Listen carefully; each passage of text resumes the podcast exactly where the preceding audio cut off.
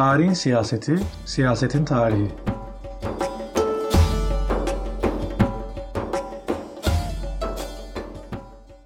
Üçüncü bölüm. Birinci Dünya Savaşı'nı hatırlamak ve unutmak.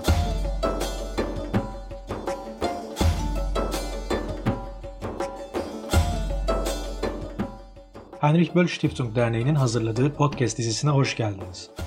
Ben Edgar Şar. Dizimizin bu bölümünde tarihin siyaset tarafından kullanımında Birinci Dünya Savaşı'nın dönüşen yerini ve bu dönüşümü etkileyen dinamikleri konuşuyoruz. Konuğumuz Ohio Eyalet Üniversitesi Tarih Bölümü öğretim üyesi Doçent Doktor Yiğit Akın.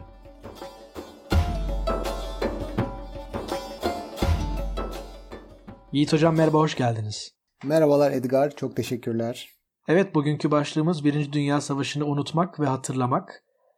Bu konuyu sizle konuşmak e, çok özel benim için çünkü Osmanlıların Büyük Savaşı nasıl yaşadığını anlatan kitabınız When the War Came Home, savaşın bitişinin 100. yılında yayınlandı. E, bu podcast serisinde biliyorsunuz tarih ve siyaset arasındaki dinamik ilişkiye odaklanıyoruz biz de. Ve bu ilişkide en çok dikkat çeken noktalardan biri tarihin siyasi sayıklarla nasıl kullanıldığı meselesi. 100 yıl önceki olaylara baktığımız zaman bugün hala bunları canlı yaşıyor gibiyiz. Çünkü güncel siyasette belki beklenenden çok daha fazla 100 yıl önceki bir takım olaylar fazlasıyla yer alıyor. Acaba Birinci Dünya Savaşı'nda durumu böyle mi? Yani hem Türkiye'de hem dünyanın diğer ülkelerinde düşünebiliriz. Bu kadar çok siyasette güncel olarak kullanılıyor mu? Ee, döneme bağlı olarak değişiyor aslında. Yani Birinci Dünya Savaşı bütün katılanlar açısından, bütün savaşan devletler açısından, milletler açısından diyelim. E, Birinci Dünya Savaşı'nın hafızası çok problemli bir hafıza. Çok üzerinde mücadele eden, dönemden döneme değişen e, sıkıntılı bir hafıza. E, kolektif hafızadan bahsediyorum tabii. Yani bu e, neden kaynaklanıyor bunun böyle sıkıntılı olması? Neden kaynaklanıyor bunun e, diğer bazı ortaya çıkan olaylara göre çok daha problemli bir şekilde ortaya çıkması? Çünkü Birinci Dünya Savaşı o güne kadar görülmemiş büyük bir felaket. Yani insan yapımı bir felaket. E, o güne kadar görülmemiş işte eskilerin tabiriyle büyük harp. O güne kadar görülmemiş büyüklükte e, insan kitlelerinin savaşa katıldığı, bununla birlikte işte benim de kitapta Osmanlı e, deneyimine bakarak anlattığım cephe gerisilerinin de e, savaşa dahil olduğu, bundan ayrılamaz hale geldiği, e, endüstriyelleşmiş, tam anlamıyla endüstriyelleşmiş, ölmenin ve öldürmenin de endüstriyelleştiği e, büyük bir felaket. Milyonlarca insanı öldüğü, çok daha büyük sayıda insan e, kitlelerinin e, askerlik deneyiminden geçtiği, ölmese bile yaralandığı, e, yaralanmasa bile yani açıktan yaraları olmasa bile, kolunu bacağını kaybetmemiş olmasa bile e, derin psikolojik, psikiyatrik buhranlar geçirdiği, e, toplumların üstüne felaket olarak çökmüş. Hem e, felaket olarak çökmüş, büyük e, kataklizmik bir e, deneyim. Dolayısıyla bu tip şeylerin olduğu, bu tip deneyimlerden sonra ortaya çıkan durumlar gibi siyasi ve kültürel elitler her ülkede e, savaşa gidenlerin temel bir sorusunu cevaplandırmak derdinde oldular. Özellikle savaş, e, iki savaş arası yıllarda. Bir anlam vermek lazım. İnsanların neden savaştığına dair e, bir dile ihtiyaçları vardır. Yani bunu e, savaşta üç çocuğunu kaybetmiş bir Alman annesinin bunun neden olduğuna dair kendi kendine e, bir açıklama bulması gerekir. Bununla teselli bulması gerekir. Hafıza bu yüzden önemli bir şey. Burada genel olarak baktığımız zaman Avrupa toplumlarına bu e, dil üzerinden büyük bir mücadele yaşandığını görürüz. E, e, siyasi pozisyonlara bağlı olarak. Çünkü e, iki savaş arası dönem aynı zamanda e, çok siyasi alt üst oluşların yaşandığı da bir dönem. Dolayısıyla e, kolektif hafızayı, şimdi birazdan Osmanlı Türkiye örneğinde de konuşacağımız gibi kolektif hafızayı hiçbir zaman siyasetten ve toplumun genelinden e, ayırmak mümkün değildir. Dolayısıyla mesela e,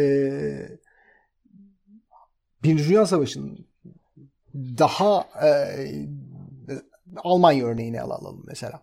Weimar döneminde e, Birinci Dünya Savaşı'nın anlamı hakkında yapılan tartışmalar e, siyasi e, pozisyonlarla çok doğrudan orantılı, çok doğrudan alakalı.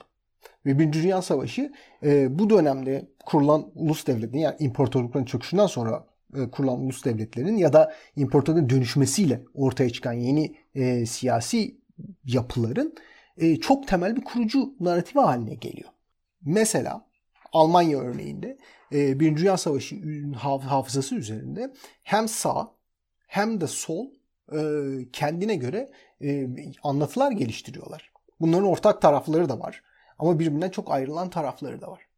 Dolayısıyla e, bu e, anlam hem e, kişisel hem kolektif bir anlam, e, savaşın anlamı üzerinde yapılan tartışma, yapılan mücadele bütün her yerde çok sıkıntılı, çok e, e, çok çetrefilli bir süreç haline geliyor.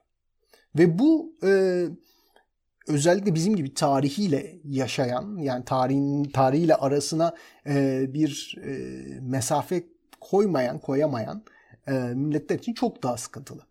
E, Türkiye örneğine geçmeden önce mesela e, dikkatimizi Orta Doğu'ya çevirirsek Birinci Dünya Savaşı Orta Doğu'da da çok kurucu bir narratif. Ulus devletlerin Orta Doğu'da Birinci Dünya Savaşı'ndan özellikle İkinci Dünya Savaşı'ndan sonra ortaya çıkmış olan ulus devletlerin çok kurucu bir narratifi. E, neden? Çünkü Birinci Dünya Savaşı bir defa kolektif hafızada e, çok önemli bir yer tutuyor bu Arap ülkeleri için e, ve bunların nüfusları için. E, aynı zamanda siyasi olarak da çok canlı tutulan bir hafıza Birinci Dünya Savaşı. Niye? Çünkü ulus devletlerin kurulurken bir ötekiye ihtiyacı var.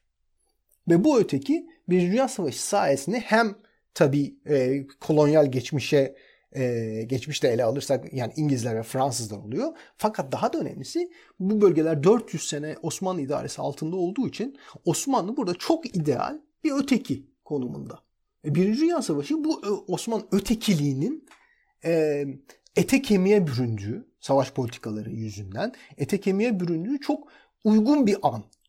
Ve bu an e, işte Cemal Paşa'nın e, Arap e, entelektüellerin 1916'da e, Şam'da ve Lübnan'da astırması veya Lübnan'da yaşanan büyük 1915 kıtlığı 350 bin kişinin ölümüne yaklaş e, ölümüne yol açan aşağı yukarı kıtlığı e, veya genel olarak savaşın yarattığı e, kitlesel büyük travma siyasi sebeplerle e, yani bir ulus devlet yaratma sürecinde çok canlı tutulmuş bu bölgelerde.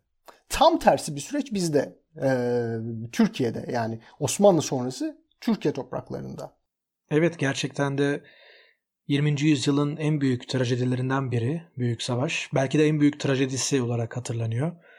Avrupa'da kadim imparatorlukları bitiren, cephelerinde savaşıp ölen askerler için uğruna anısına meçhul asker anıtları dikilen çok büyük bir savaş. Çok doğru. Yani bunu e, şöyle şöyle bir parantez açayım öbür soruya geçmeden önce. E, bugün Avrupa'da özellikle yani hangi mezarlığa giderseniz bunun istisnası çok azdır. Hangi mezarlığa giderseniz gidin, hangi köye giderseniz gidin. Mutlaka buralarda özellikle Almanya'da, özellikle Fransa'da, İngiltere'de de büyük ölçüde her küçük komünitenin mutlaka Birinci Dünya Savaşı'na gitmiş askerlerine askerlerin anısına ithafen yapılmış küçük, büyük, bazen görkemli, bazen çok mütevazi anıtlar vardır. Bizde mesela olmayan bir şey bu. Yani e, Orta Doğu coğrafyasında genel olarak olmayan bir şey. Bu dönemde hemen ve bu anıtlar hemen savaştan sonra ortaya çıkmaya başlıyor. Komünitelerin e, bir işte dediğim gibi büyük e, alt üst oluştu. Bu büyük travmayı anlamlandırma çabasının ve bunun yasını tutma çabasının e, bir ürünü olarak ortaya çıkıyor bunlar. Bunlar yukarıdan e, bütün bu süreç şu enteresan ve e, biz tarihçiler için e, çok ilgi çekici yapan şey bu süreç yukarıdan koordine edilmiyor. Bu süreç bir yani devlet politikası olarak bütün köylere bir küçük anıt yapılmış değil.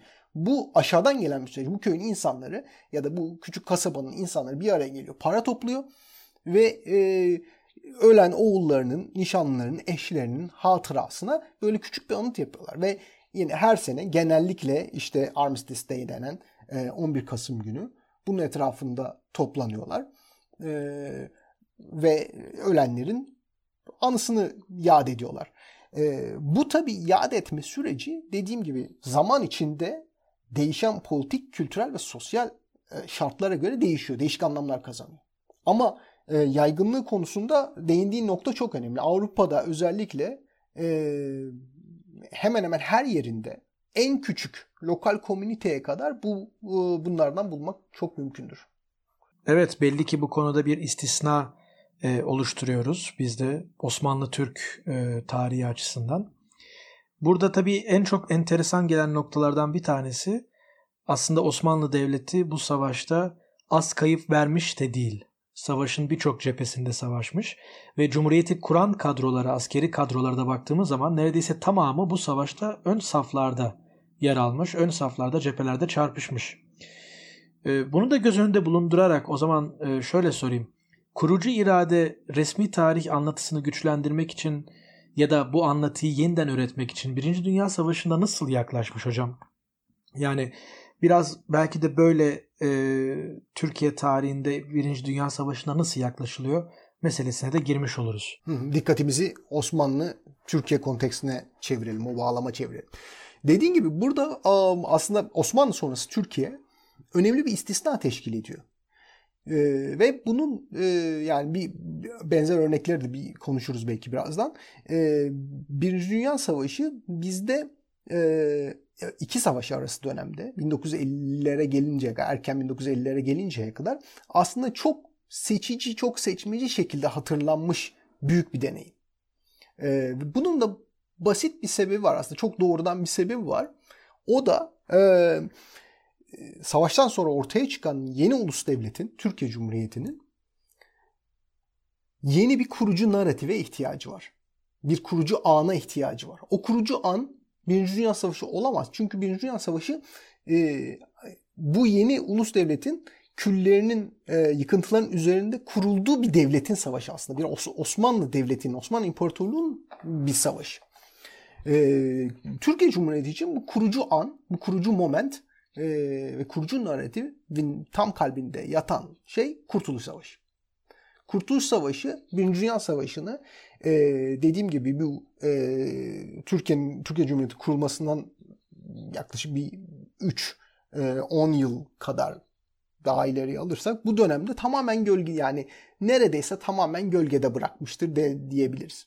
Burada enteresan olan Kur, Kurtuluş Savaşı'nın yani milli mücadele dediğimiz savaşın mücadelenin aslında Birinci Dünya Savaşı'na Osmanlı'nın Birinci Dünya Savaşı deneyimine göre çok daha sınırlı, çok daha küçük, etkisi çok daha az e, yani savaşanlar üzerindeki etkisi çok daha az olan e, bir savaş e, olmasıdır.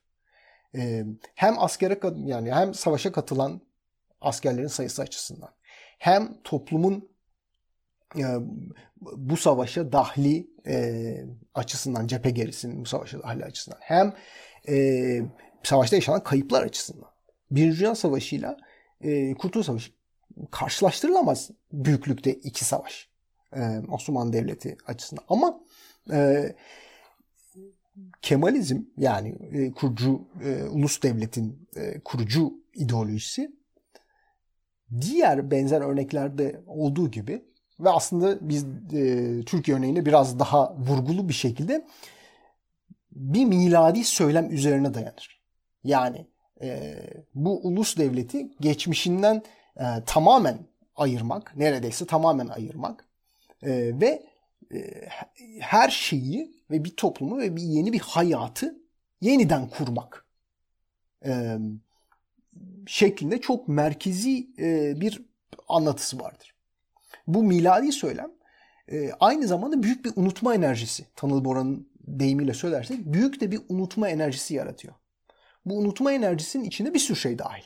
Yani Osmanlı geçmişi de çoğu yani bir takım e, Osmanlı'nın parladığı Kemalist narratife göre söylüyorum. Parladığı momentler hariç e, büyük, bu da dahil.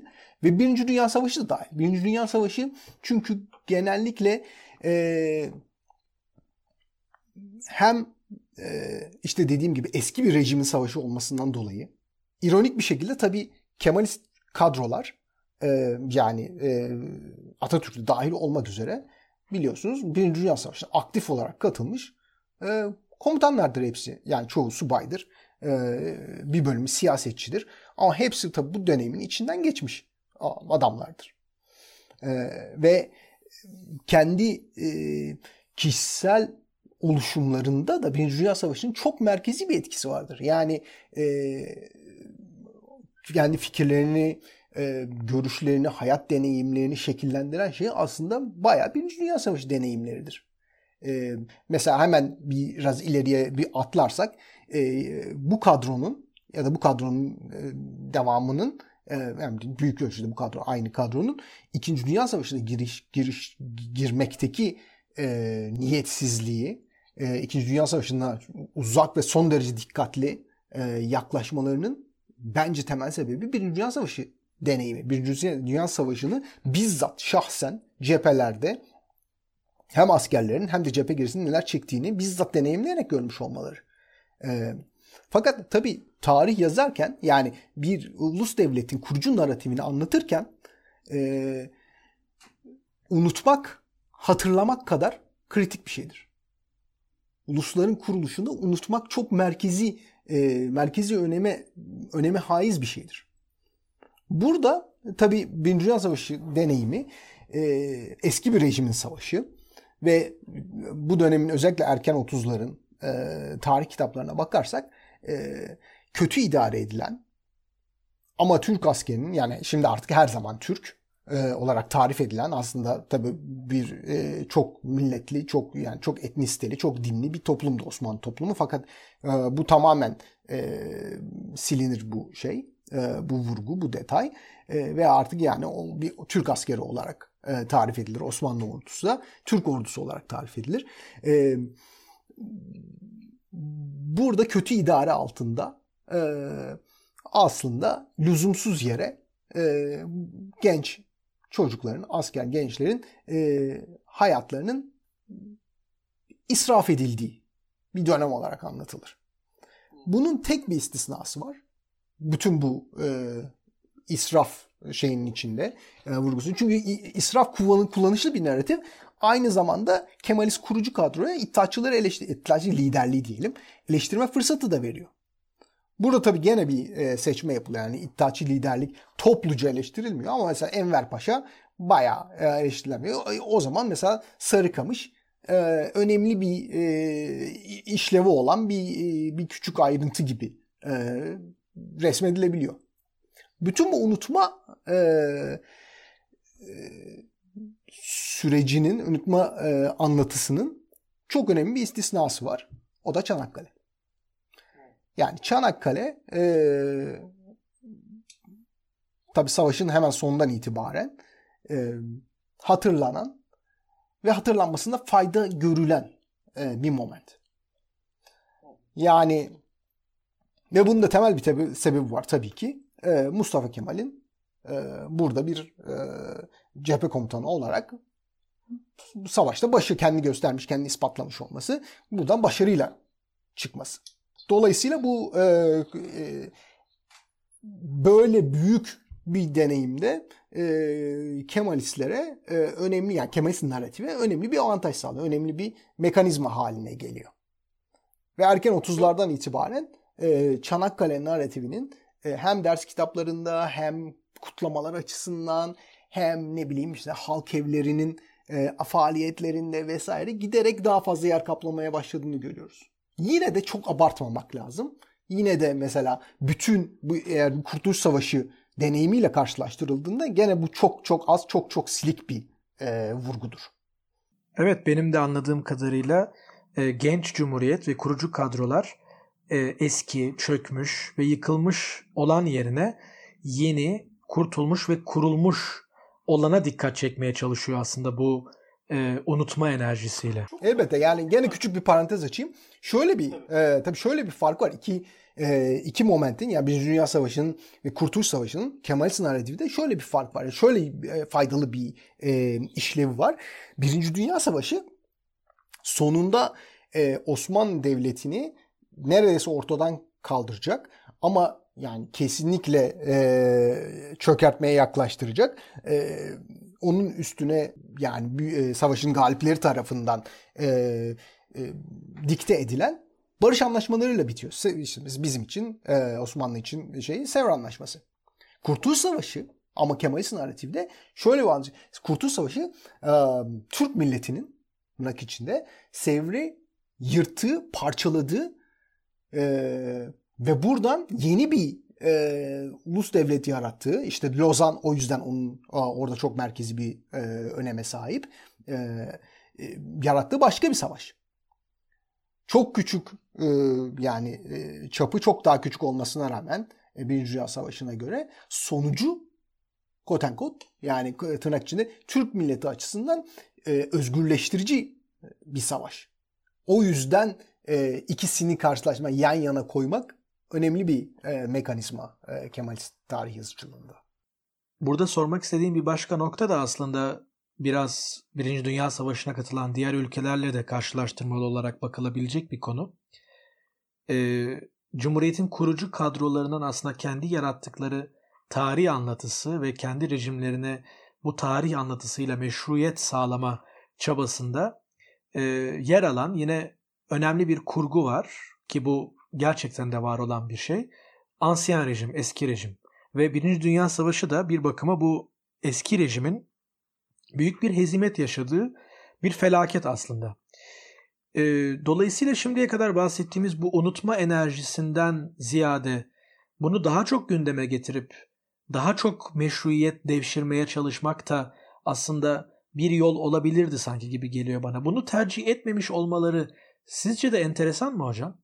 Bir, evet yani e, bunun üstüne daha çok çalışmamız lazım. Bu, bu kesin. Yani e, bunları e, sana bir seninle biraz da hipotez olarak konuşuyoruz. Yani şimdi e, şu aralar bunlar üzerine çalışıyoruz. Daha fazla bakmamız lazım bunlara. Daha fazla daha detaylarına bakmamız lazım. Çünkü unutmak dediğimiz aslında biraz fazlaca genelleştirerek kullandığımız bir laf unutmanın nasıl unutulduğuna da bakmamız lazım. Nasıl hatırlandığına bakıyoruz.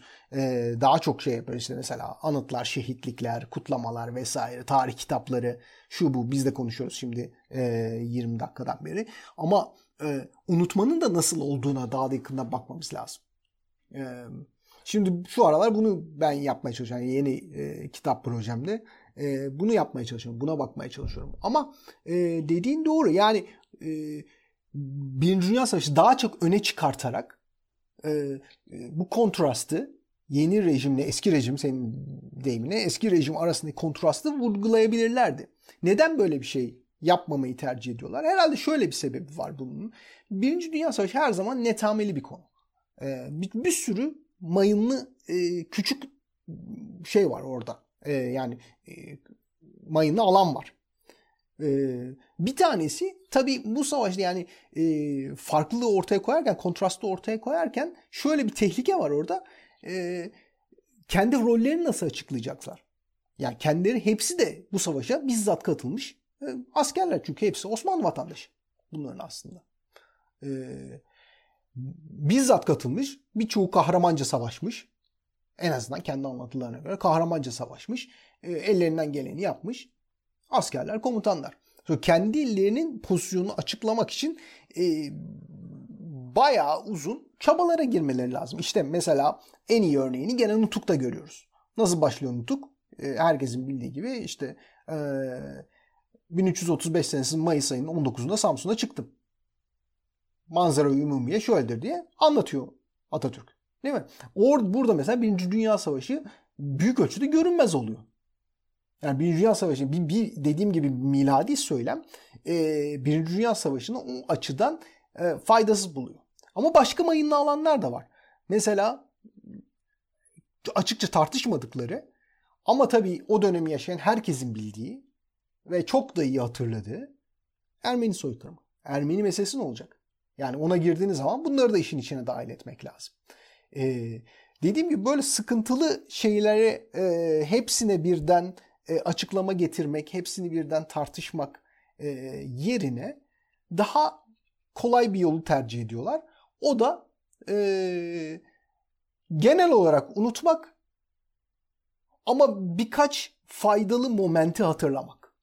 İşte dediğim gibi Çanakkale. Orada bunun da en faydalısı Çanakkale tabii. Yani Çanakkale çünkü çok e, çok faydalı bir ya bu narratif içinde yeni bir ulus devlet kuruluş narratifinde çok faydalı bir mekanizma. Niye? Bir defa e, kurucu devlet e, kurulan devletin ulus devletin kurucusunun rolünü vurgulamak, altını çizmek açısından çok faydalı. İkincisi mesela bu devletin her zaman e, bir, bir, dışarıdan tehdit altında olduğunu vurgulamak açısından çok faydalı. Bir üçüncüsü yeterince üzerinde durmadığımız bir üçüncüsü e, sıradan asker Mehmetçik diye tabir ettikleri Mehmetçik de biliyorsunuz yani onu da kitapta tartışmaya çalışmıştım. E, bu savaşın bayağı öne çıkardığı bir figür sıradan Osmanlı askeri. Daha önce hiçbir savaşta olmadığı kadar Birinci Dünya Savaşı'nda altı çizilen, öne çıkartılan bir figür. E, bu vurgu e, daha sonraki dönemlerde de devam ediyor. E, ve Çanakkale Savaşı şu açıdan önemli. Kötü idareye, bir, Birinci Dünya Savaşı genel olarak e, komutanları kötü bile olsa Mustafa Kemal of course tabi e, burada e, istisna. E, komutanları kötü bile olsa Türk askeri e, kendini bu savaşta çeşitli zorluklara, çeşitli e, netametlere rağmen kendini göstermiş bir asker. Kahramanlığıyla, fedakarlığıyla e, vesaire. Dolayısıyla Çanakkale bunu vurgulamak için de önemli bir e, önemli bir moment. Bu, bu açıdan baktığımızda tabii e, bir Dünya Savaşı diğer başka yerlerde de bu şekilde hatırlanıyor aslına bakarsanız. Ve bu şekilde unutuluyor. Yani çok da istis yani bu açıdan e, bizdekini yani o Türkiye örneğini tamamen aynı şekilde e, tekrarlayan başka bir örnek yok. Bu ama e, unutma hatırlama dinamikleri açısından e, benzerlikler tespit edebiliriz. Ama önemli bir benzerlik e, özellikle Birinci Dünya Savaşı'nın ruhu açısından Sovyet Rusya ile.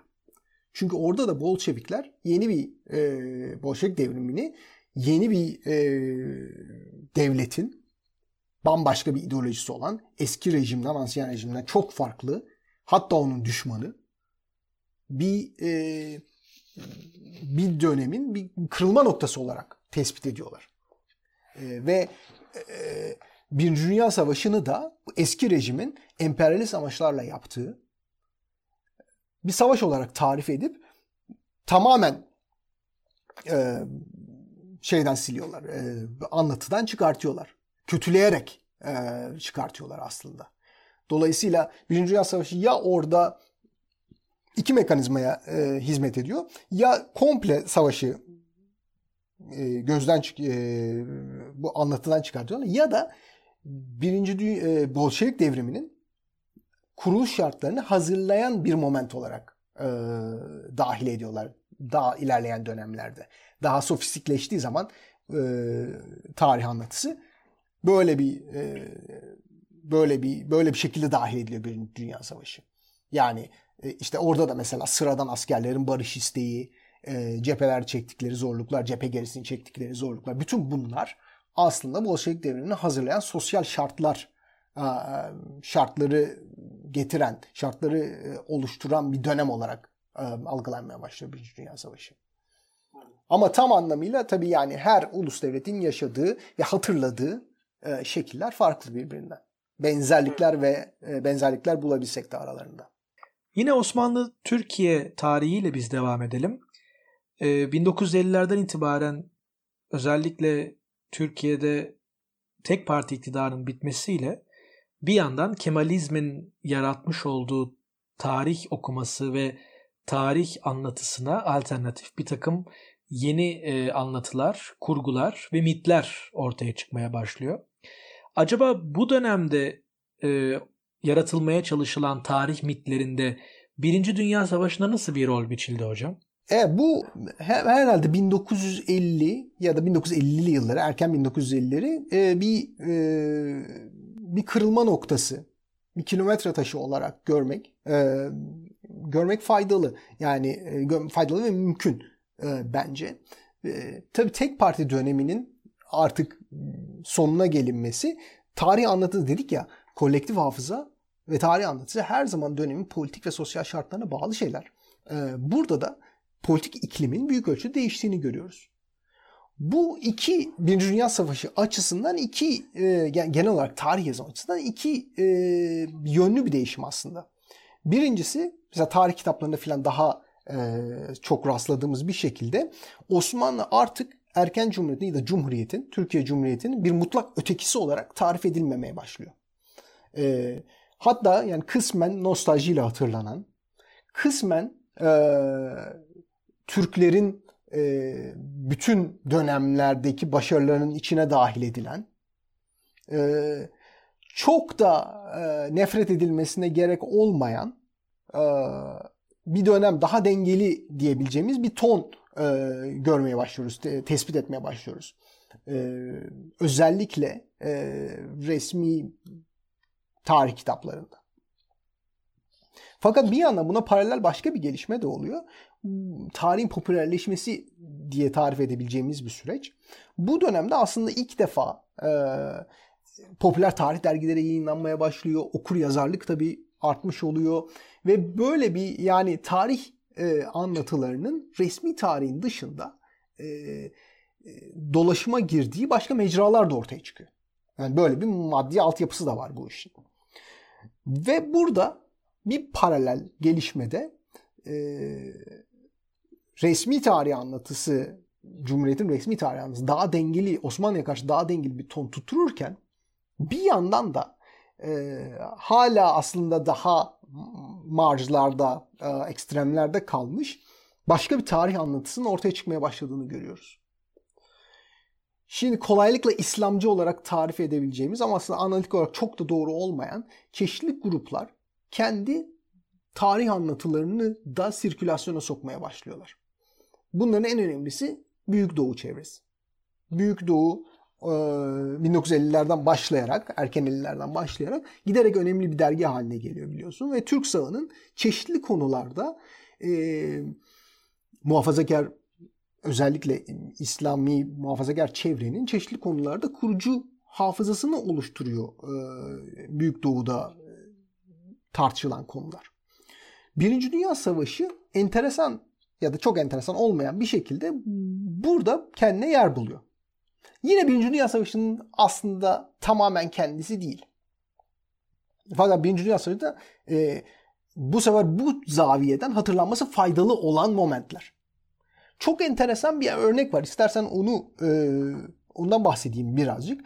E, çünkü e, aslında ne ne kadar e, tarihsel olarak bu hafızanın ya da anlatının değiştiğini gösteriyor bize. E, Cevat Rifat Atilhan'ı e, dinleyicilerimiz de tanır belki. E, anti masonik, anti semitist, e, milliyetçi daha sonra İslamcı e, bir figürdür. E, geç Osmanlı erken dönemi, erken Cumhuriyet dönemlerinde yaşamış. Cevat Rifat Atilhan Birinci Dünya Savaşı'na da katılıyor. Dördüncü Ordu'da e, Küçük Cemal Paşa, Mersinli Cemal Paşa'nın yaveri. E, ve Suriye Filistin cephesini e, bizzat deneyimliyor. Daha sonra işte geliyor e, Mersin Cemal Paşa Harbiye Nazırı olunca onun yaverliğini yapmaya devam ediyor. Daha sonra Kurtuluş Savaşı'nda çeşitli roller oynuyor. E, e, bu sırada bol bol da yazıyor.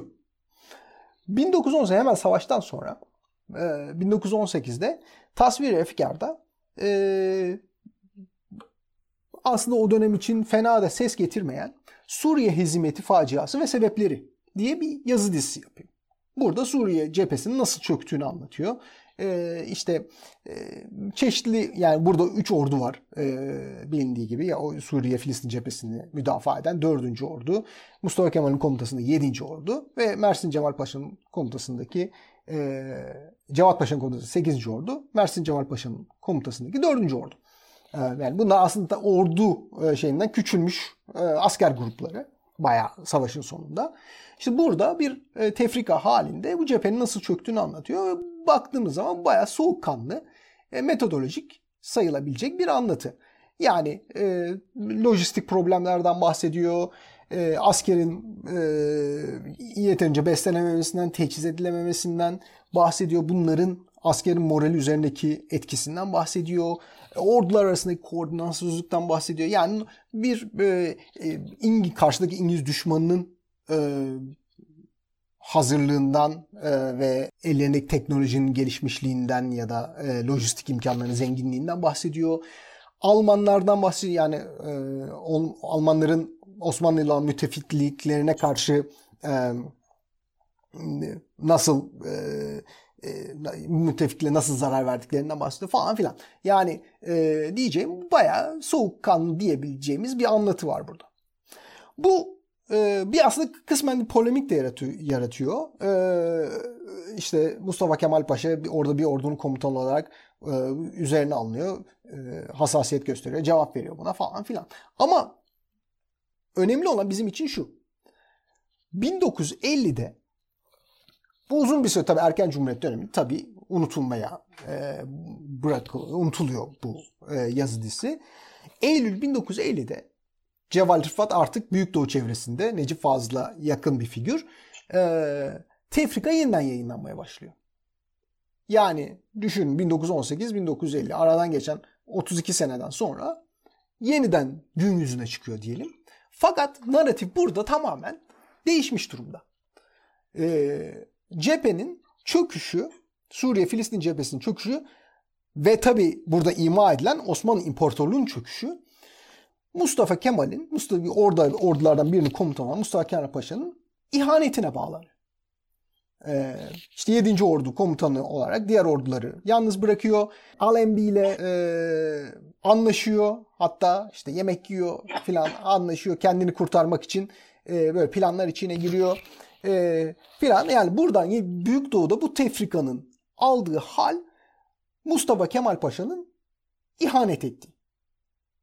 Bu ihanet narratifi Türk sağının Mustafa Kemal ve Birinci Dünya Savaşı konusundaki temel hafızasını oluşturuyor. Temel dilini oluşturuyor. Bu yani bu tabi yeniden yeniden sirkülasyon Necip Fazıl'ın çoğu eserinde olduğu gibi yeniden sirkülasyona sokuluyor. İşte e, Kadir Mısıroğlu filan gibi e, o çevrelerde popüler olan tipler tarafından. Birazdan konuşacağımız e, son AKP döneminde ise 2013'te belki çok şaşırtıcı olmayan bir şekilde Büyük Doğu'daki bu e, tefrika bu ilk şeyin ilk tefrikanın bozulmuş hali. Bu tefrika ilk defa kitap haline getiriliyor. Ve Mustafa Armağan'ın Derin Tarih dergisi tarafından bir ek olarak veriliyor. 2013'te. 2013'ün de siyasi kültürel iklimine çok uygun bu narratif. Dediğim gibi yani Birinci Dünya Savaşı e, bu dönemden sonra yeni bir yani e, Kemalist historiografinin, anlatının e, etkisini e, yitirdiği, yitirmeye başladı. 1950'lerden itibaren Birinci Dünya Savaşı önemli bir e, e, bir alternatif anlatı olarak yeniden gün yüzüne çıkıyor. Ve bununla birlikte buna paralel olarak işte demin dediğim gibi e, popüler ilgide de bir artış var. Mesela e, o güne kadar olmayan bir e, anıt bugün işte Çanakkale Şehitleri Abidesi olarak bildiğimiz anıtın temelleri de 1954'te atılıyor. 1960'da açılıyor anıt. Ee, Çanakkale ile ilgili kutlamalar daha canlanıyor, daha çok katılım oluyor. Ee, gazilerin, şehitlerin yakınları bastırma aşağıdan bir baskı oluşturuyorlar e, bu, bu kutlamaların öneminin artmasına dair. E, böyle bir dönüşüm yaşanıyor. İşte dediğim gibi yeniden hatırla, hatırlamak gerekirse, yeniden altın çizmek gerekirse bu hafıza yani hafıza dediğimiz şey o, o anlamda e, bu tip sosyal ve kültürel dönüşümlere çok tabi bir şey. Dönemin siyasi, kültürel, politik ortamıyla e, çok iç içe ve ondan çok etkilenen e, bir şey kolektif hafıza. Hiçbir zaman objektif nötr değil.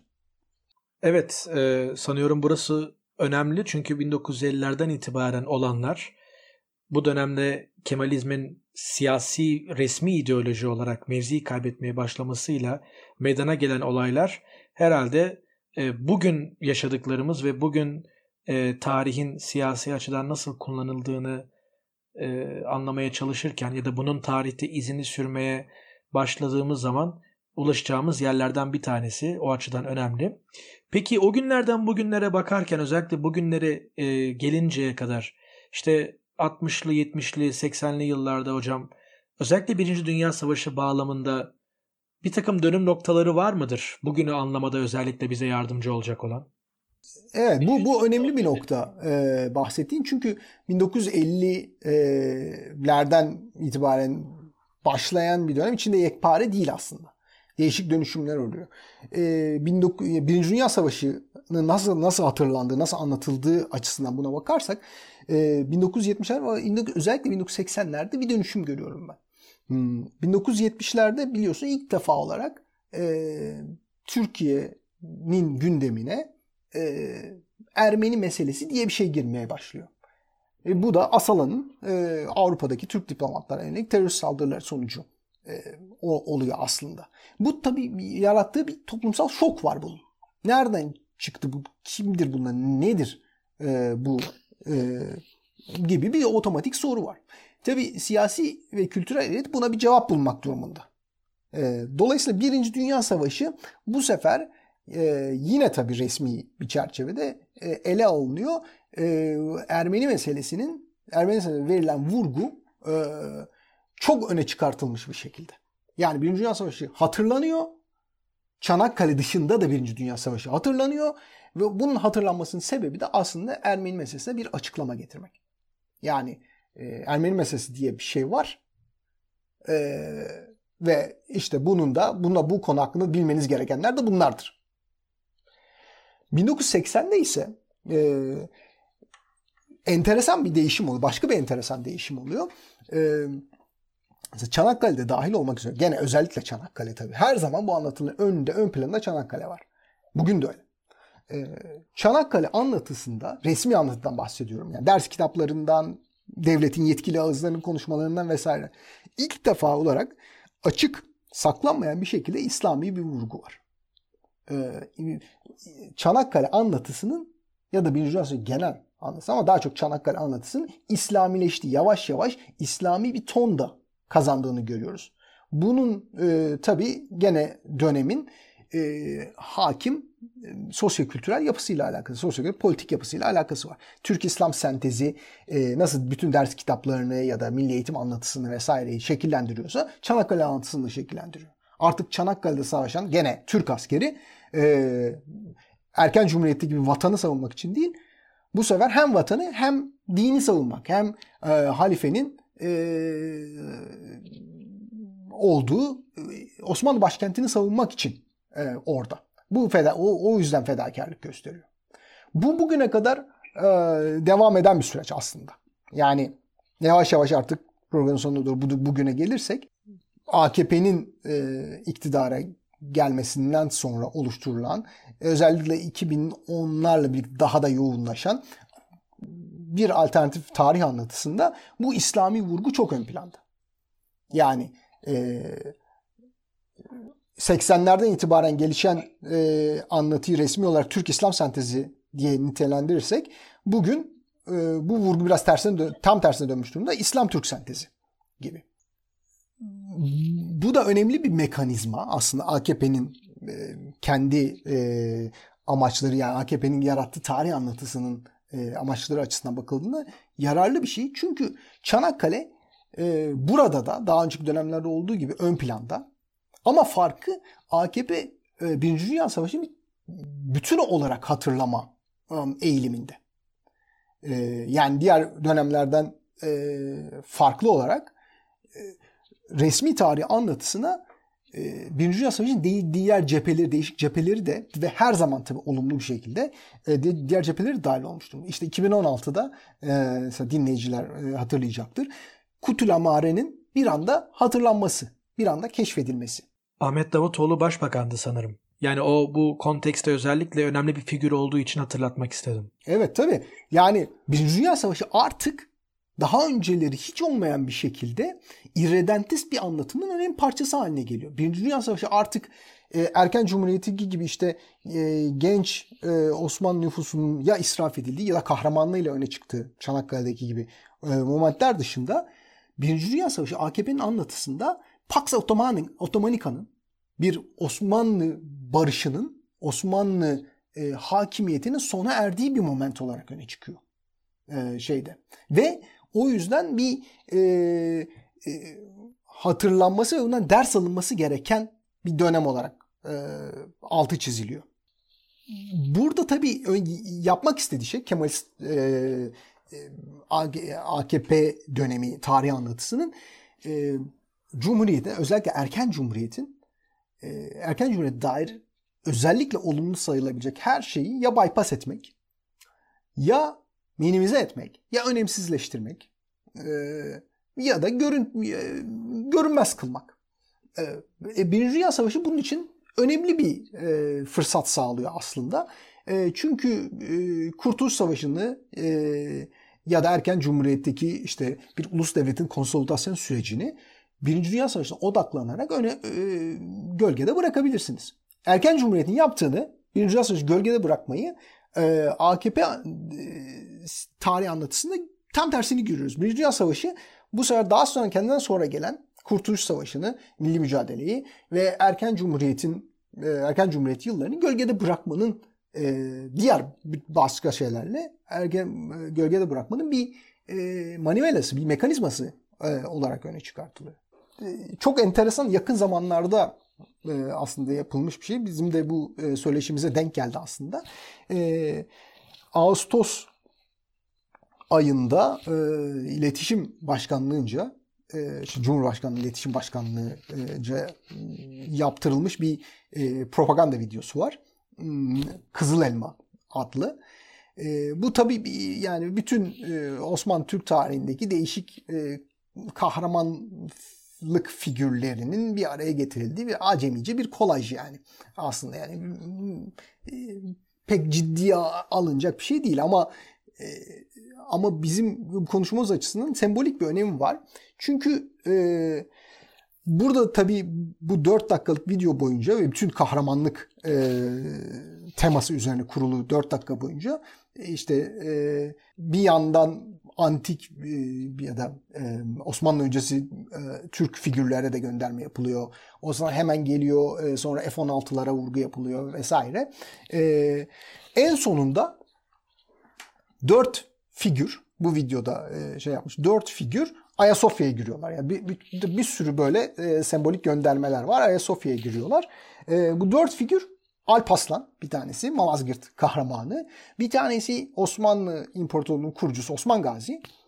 E, ve tabii Fatih Ayasofya'ya girdiği için. Bir dördüncü figür var burada. Enteresan. Bir beşinci figür de var. Kim olduğu anlaşılmıyor. Akşemseddin olabilir Fatih'in hocası. Kim oldu yani bir bir e, din figürü ama önemli olan bu dördü. E, bir dördüncü figür daha var. Bu üçünün yanında. Alparslan'ın, Osman Gazi'nin ve e, Fatih'in yanında Çanakkale'de çocuk kahraman. Yani bunlardan çok farklı, çok ayrı bir dördüncü figür var. Yani bir tek modern dönem askeri olarak tasvir edilmiş bir e, oraya eklenmiş bir figür var. Büyük bir Osmanlı Türk anlatısı içinde devamlılığı yapılan vurgu ya yani devamlı vurgu yapmak için eklenmiş bir şey. E, bir figür. Bir o açıdan baktığınızda AKP'nin tarih anlatısında ne kadar merkezi bir yer oynadığını görüyorsunuz bunun. Tabi ironik olan Çanakkale'de çocuk asker falan yok aslında. Yani tarihçiler bunu çok net şekilde ortaya koyuyor. Çanakkale bir defa zaten savaşın erken döneminde 1915'te yapılan bir, bir, bir, bir, bir savaş, bir muharebe başkente çok yakın. Daha sonra da cephelerde yaşanacak çeşitli sefaletlerin, sıkıntıların pek izi yok Çanakkale'de. Yani Çanakkale başka açılardan önemli bir savaş ama bu açıdan değil. Fakat mağduriyet e, vurgusunu da vermek için böyle bir figürü oraya ekliyorlar. Yani hani cahillik demeyeceğim buna e, öyle olmadığını düşünmek istiyorum ama e, bunda bir tarihsel devamlılık görüyorlar. Bunu önemli e, bunun altını çizmek için, öneminin altını çizmek için e, Çanakkale'den bir figürü ekliyorlar oraya. Tabii bu videoda hiç şaşırtıcı olmayan bir şekilde e, milli mücadele de yok, işte e, Kemalist kadro yok, Atatürk yok, e, erken cumhuriyet daha hiçbir şey yok. E, daha sonra da hemen otomatik olarak AKP dönemi e, ne bağlanıyor e, şey ve video El Aksa Camii ile Kudüs'le bitiyor. Yani e, yine burada aslında Birinci Dünya Savaşı'nın bu, bu küçük örneği şundan anlattım. Birinci Dünya Savaşı AKP döneminde bir irredentist e, e, bir ne Osmanlı çok kullanılan tabirle ne Osmanlıcı e, bir vurguyu e, bir vurguyu öne çıkarmak için çok e, işlevsel bir mekanizma haline, bir anlatı haline gelmiş durumda AKP döneminde. O yüzden sadece Çanakkale önemli değil. Diğer cephelerde önemli. O yüzden Birinci Dünya Savaşı'nın aslında e, barış içinde yaşayan müreffeh e, çeşitli tabi genelde Müslüman e, etnisiteleri bir arada tutan ve maalesef bugün dağılmış olan ve ümit ederiz ki işte e, vurgu o tabi gönderme o e, bugünkü e, AKP iktidarıyla birlikte yeniden e, buna gitme e, ihtimali doğan bir dönem olarak e, tasvir ediliyor. Evet Yiğit Hocam e, çok teşekkürler. Gerçekten Birinci Dünya Savaşı'nın bu son verdiğiniz örnekle 21. yüzyılda dahi halen nasıl siyasi amaçlarla hatırlandığını ve siyaset kurumunun tarihi bu e, bağlamda nasıl kullandığını göstermiş oldu. Bu mikro örnek aslında makroda e, çok anlamlı oldu bizim için makroyu anlamak açısından. E, bu açıdan da çok tekrardan çok çok teşekkür ederiz. Hem birçok e, aktör bağlamında hem de e, Türkiye tarihinin değişik dönemlerinde bu konunun nasıl ele alındığını e, kapsamlı bir şekilde konuştuk. Ben de çok keyif aldım. Sağ olun. Ben de teşekkür ederim. Ee, yani hepsine kısa kısa değinmek durumunda kaldık ama e, hepsi için ayrı bir program yapılabilecek genişlikte zengin mevzular bunlar aslında. Evet aynen öyle aynen öyle. O bakımdan gelecek e, zamanlarda da yeni bir proje yaparsak bu konuyla ilgili umuyorum ki tekrardan sizlerle birlikte oluruz. Çok teşekkürler hocam. Ben teşekkür ederim.